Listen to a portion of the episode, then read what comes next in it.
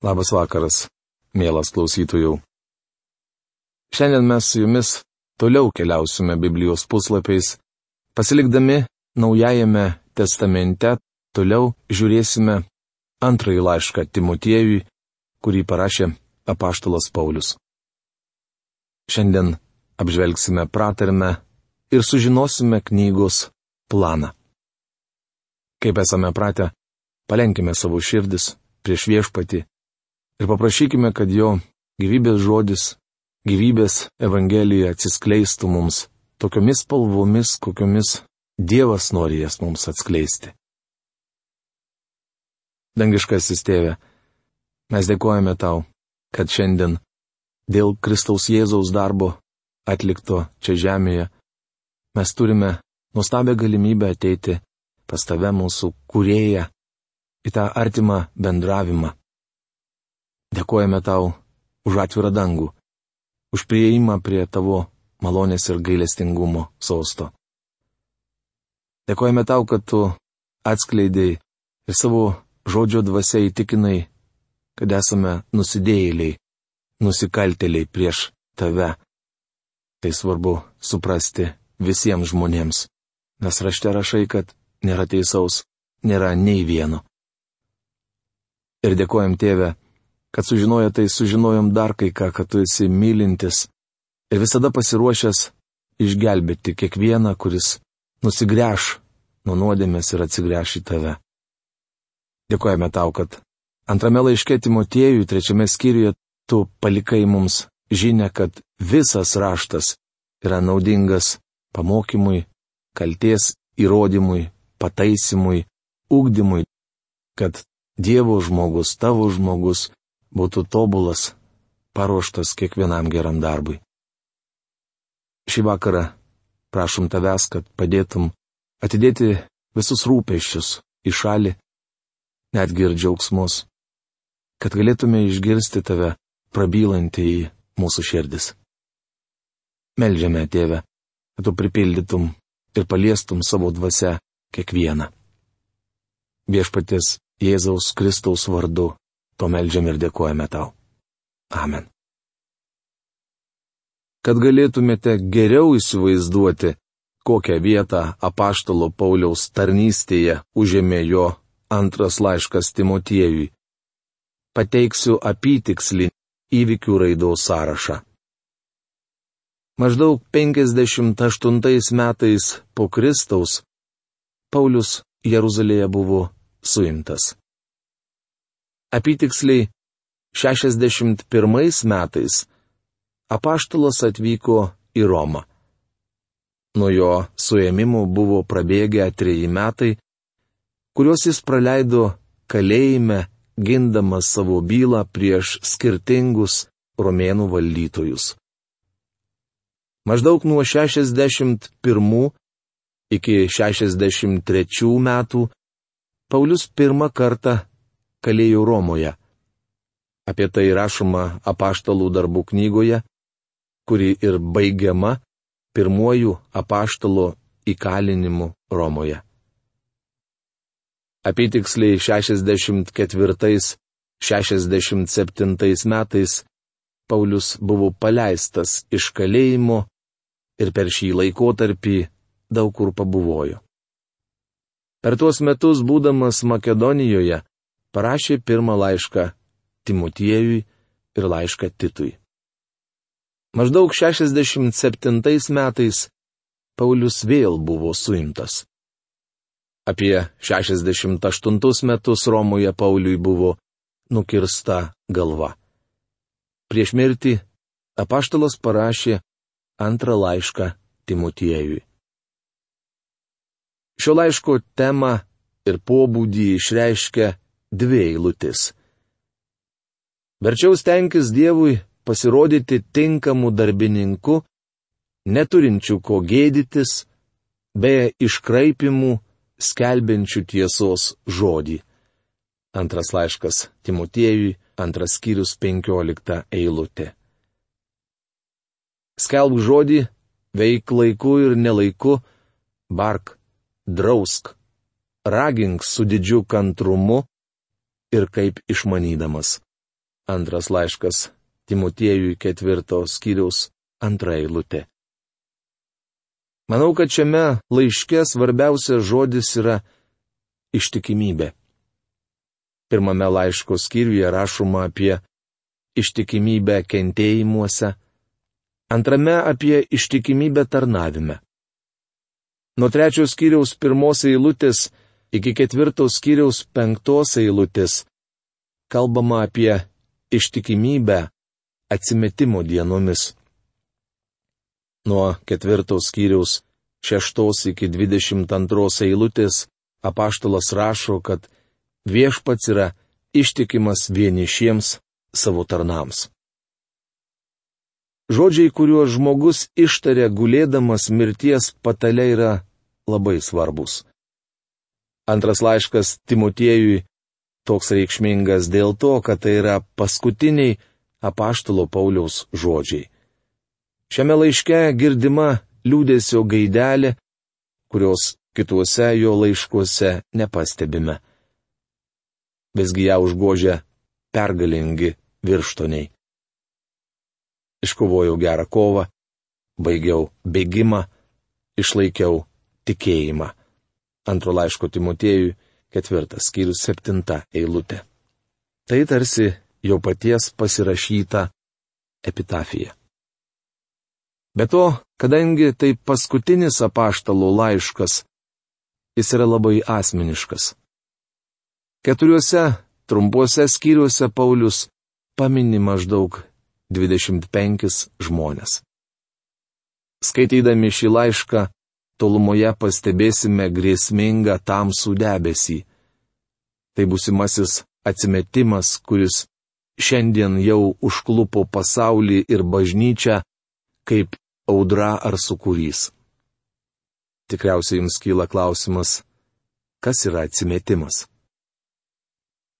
Anot Websterio, tai visiškas tikėjimo principų išsižadėjimas.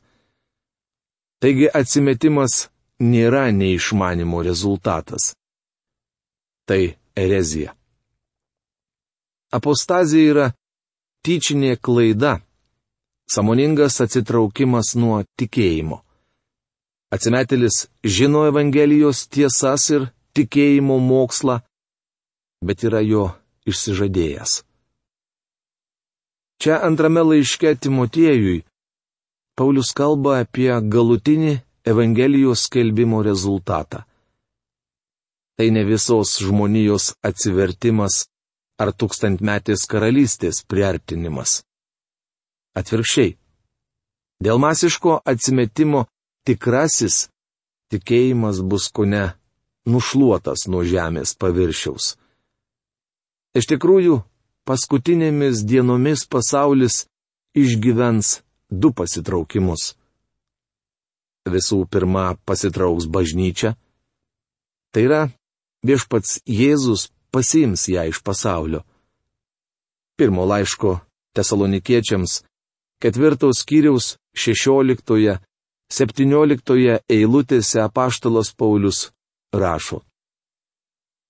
O pats viešpats, nuskambėjus paliepimui, arkangelo balsui ir Dievo trimitui nužengs iš dangaus. Tuomet pirmiausia prisikels tie, kurie mirė Kristuje, paskui mes, gyvieji išlikusieji, kartu su jais būsime pagauti debesysna pasitikti viešpaties ore. Šiuose eilutėse pavartotas graikų kalbos žodis harpazau reiškia pagauti aukštyn. Po to, kai tikintieji palik šią žemę, gerai organizuotą struktūrą turinti bažnyčia visiškai atsimes nuo tikėjimo. Tai antrasis pasitraukimas - nutolimas nuo tikėjimo. Apie jį kalbėjo pats viešpats Jėzus. Jau minėjau, kad Evangelijos pagal Luką 18 skyriaus 8 eilutėje užrašyti jo žodžiai. Ar atėję žmogaus sunus bėra žemėje tikėjimą? Graikų kalboje šis klausimas suformuluotas taip, kad reikalauja neigiamo atsakymo. Ne, sugrįžęs jis neras žemėje tikro tikėjimo. Šis požiūris prieštarauja šio laikiniai socialiniai evangelijai, kuri tikisi pakeisti pasaulį, keisdama socialinę sistemą. Lengvabūdžiai optimistai neturi kantrybės skaityti nuobodžių antro laiško Timotiejui teiginių ir vadina mane intelekto priešu. Visgi objektyvūs istorijos faktai ir dabartiniai įvykiai rodo, kad Paulius buvo teisus. Šiandien mes išgyvename tokį atsimetimą nuo tikėjimo, kuris labai tiksliai atitinka apaštalo apibūdinimą. Akivaizdu, kad regimoji bažnyčia siaubingai nutolo nuo tikėjimo. Žinoma, neregimosios bažnyčios, tai yra tikro tikinčiųjų kūno, tai nepaveikia. Neregimoji bažnyčia tebe egzistuoja. Ir nors kartais norėtųsi, kad ji būtų matoma aiškiau, jos laukia šlovinga ateitis. Vieną dieną viešpats Jėzus pasiims savo bažnyčią iš pasaulio. Tai didi pagodo žinia. Nujausdamas atsimetimo grėsmę, Paulius šiame laiške Timotiejui labiau nei bet kuriame kitame laiške akcentuoja Dievo žodžio svarbą.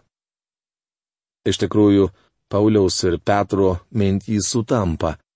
Tiek vienas, tiek kitas savo paskutiniuose laiškuose, tai yra antrame Timotiejui ir antrame Petro, pabrėžia Dievo žodžio ir Evangelijos reikšmę. Bičiuli, Evangelija remiasi faktu, kad žmogus yra visiškai sugedęs arba, kitaip tariant, pražuvęs nusidėjėlis. Vienas šiuolaikinis pedagogas yra pasakęs. Jei pedagogai mano, kad moralinę žmogaus prigimtį galima pataisyti, tai tradicinė krikščionybė teigia, jog ji nepataisomai sugedusi. Pedagogų nuomonė, išorinis žmogiškas faktorius gali tapti instrumentu, keliančiu žmonių moralę. Tuo tarpu tradicinė krikščionybė sako, kad tas faktorius yra Dievas. Be to, moralinė žmogaus prigimtis nepataisoma, o pakeičiama nauja. Žmogaus būklė neleidžia jam išsigelbėti visišku paklusnumu, nes tai paprasčiausiai neįmanoma. Netobulų paklusnumu jis taip pat negali išsigelbėti, nes Dievas tokio paklusnumo nepriima.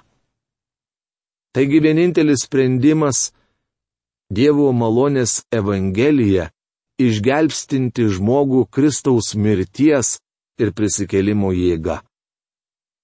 Brangus bičiuli, tikėjimas Kristumi keičia žmogaus gyvenimą.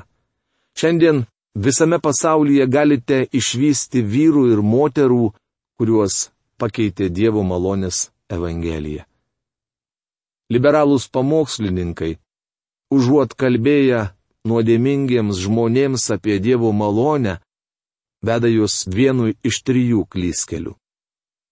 Kai kuriuose liberaliuose bažnyčiuose šiandien skelbiama itin populiari psichologija. Pamokslininkai pamėgo temas - kaip nugalėti, kaip kūrybiškai mąstyti ir pozityvaus mąstymo gale. Jie teigia, kad mes nuolat vystomės ir progresuojame. Reikia pasakyti, ši populiari psichologija mus veda į aklavietę. Be populiarios psichologijos liberalūs pamokslininkai mėgsta plėtoti etikos temą. Jie skelbia mielą, švelnę, mažybinę, maloninę Evangeliją. Jų pamoksliukai krikščioniukams skamba maždaug taip. Gėris yra geriau už blogį, nes jis gražesnis ir padeda išvengti didelių bėdų. Daugelį liberalių bažnyčių galima apibūdinti taip. Gerų manierų žmogus stovi prieš gerų manierų žmonių minę ir moko juos dar geresnių manierų. Kas gali būti nuobodžiau? Tai prieska ir negyva. Nieko nuostabaus, kad viešpats Jėzus sakė Laudikėjos bažnyčiai. Žinau tavo darbus, jog nesi nei šaltas, nei karštas o kad būtum arba šaltas, arba karštas. Bet kadangi esi drungnas ir nei karštas, nei šaltas, aš išvemsiu tave iš savo burnos. Rašoma prieškimo knygos trečios skyriaus 15-16 eilutėse. Nuo to bet kam pasidarytų bloga. Tai dar viena priežastis, kodėl aš tokių žmonės vadinu gazuotais krikščionimis. Maža to, kad jie tik šnypšia ir burbuliuoja. Pabuvus su jais, iš tikrųjų norisi ko nors gazuoto, pavyzdžiui, mineralinio vandens. Trečioji liberalaus mokymo kryptis vadinama socialinė evangelija. Jie skelbia rasių susiklausimą, pacifizmą, socialinį teisingumą ir visuomeninę krikščionišką santvarką. Tai paprasčiausias ir griniausias krikščioniškas socializmas. Tuo tarpu kai skelbiama tikra Evangelija ir žmonės ateina pas Kristų, jie visi tampa broliais ir seserimis. Mums nebereikalingos visos tos kalbos apie geresnius santykius tarp skirtingų rasių žmonių. Suburiant žmonės prievarta, neįmanoma pataisyti santykių. Tik Dievo malonės Evangelija gali padaryti vyrą ar moterį mano broliu ir seserimi, o tuomet žmogaus odos spalva nebeturi jokios reikšmės. Pasaulio problemas gali išspręsti tik Dievo malonė. Todėl mes privalome ją skelbti. Turime suvokti, jog, kaip sakė Martinas Liuteris, Dievas kuria iš nieko. Kol žmogus netaps nieku, Dievas nič nieko negalės iš jo padaryti. Tik Dievo malonė, ateinanti per Jėzų Kristų, gali pakeisti ir išgelbėti žmoniją. Apie tai ir kalbama antrame laiške Timotiejui. Dėl to taip svarbu jį studijuoti. Ir mūsų laidą užbaigsime šios knygos plano apžvalgą. Žinau, kad ne visiems patinka, kada mes skaitome planą, bet daugeliu iš tų, kurie studijuojame, tai yra svarbu. Pirma romėniškai. Kentėjimai Evangelijos labui. Pirmas skyrius. A. Įžanga. Pirmas skyrius. Pirma septinta eilutės. B. Nesigėdik, bet kentėk drauge. Pirmas skyrius nuo 8 iki 11 eilutės. C. Nesigėdyk, bet būk tikras. Pirmas skyrius, 12-18 eilutės. Antra romėniškai. Aktyvus tarnavimas. Antras skyrius. A. Vaikas. Antras skyrius, pirma antra eilutės. B. Geras karys. Antras skyrius, trečia ketvirta eilutės. C. Sportininkas. Antros skyriaus penkta eilutė. D. Žemdirbys. Antras skyrius nuo šeštos iki keturioliktos eilutės. E. Darbininkas. Antros skyriaus 15-19 eilutės. F. Indas. Antras skyrius nuo 20 iki 23 eilutės. G. Tarnas. Antros skyrius 24-25 eilutės. Trečia romėniškai. Būsimasis atsimetimas nuo tikėjimo. Rašto autoritetas. Nuo trečios kiriaus pirmos iki ketvirtos kiriaus penktos eilutės. A. Situacija Žemėje paskutinėmis dienomis. Trečias skyrius nuo pirmos iki devintos eilutės. B. Šventojo rašto autoritetas paskutinėmis dienomis. trečias skyrius nuo 10 iki 17 eilutės. Ir C. Nurodymai paskutinėmis dienomis, ketvirtas skyrius, pirma penkta eilutės. Ir ketvirta romėniškai viešpaties ištikimybė mums ir mūsų ištikimybė jam. Ketvirtas skyrius nuo 6 iki 22 eilutės. A. Pauliaus liudijimas prieš mirtį, ketvirtos skyriaus 6-8 eilutės. B. Paskutiniai žodžiai, ketvirtas skyrius 9-22 eilutės. Tai yra, viešpats buvo su manimi. Mielas klausytojų, kitoje mūsų laidoje mes su jumis pradėsime pirmos skyriaus apžvalgą. O šiandien noriu atsisveikinti. Iki greito sustikimo. Sudė.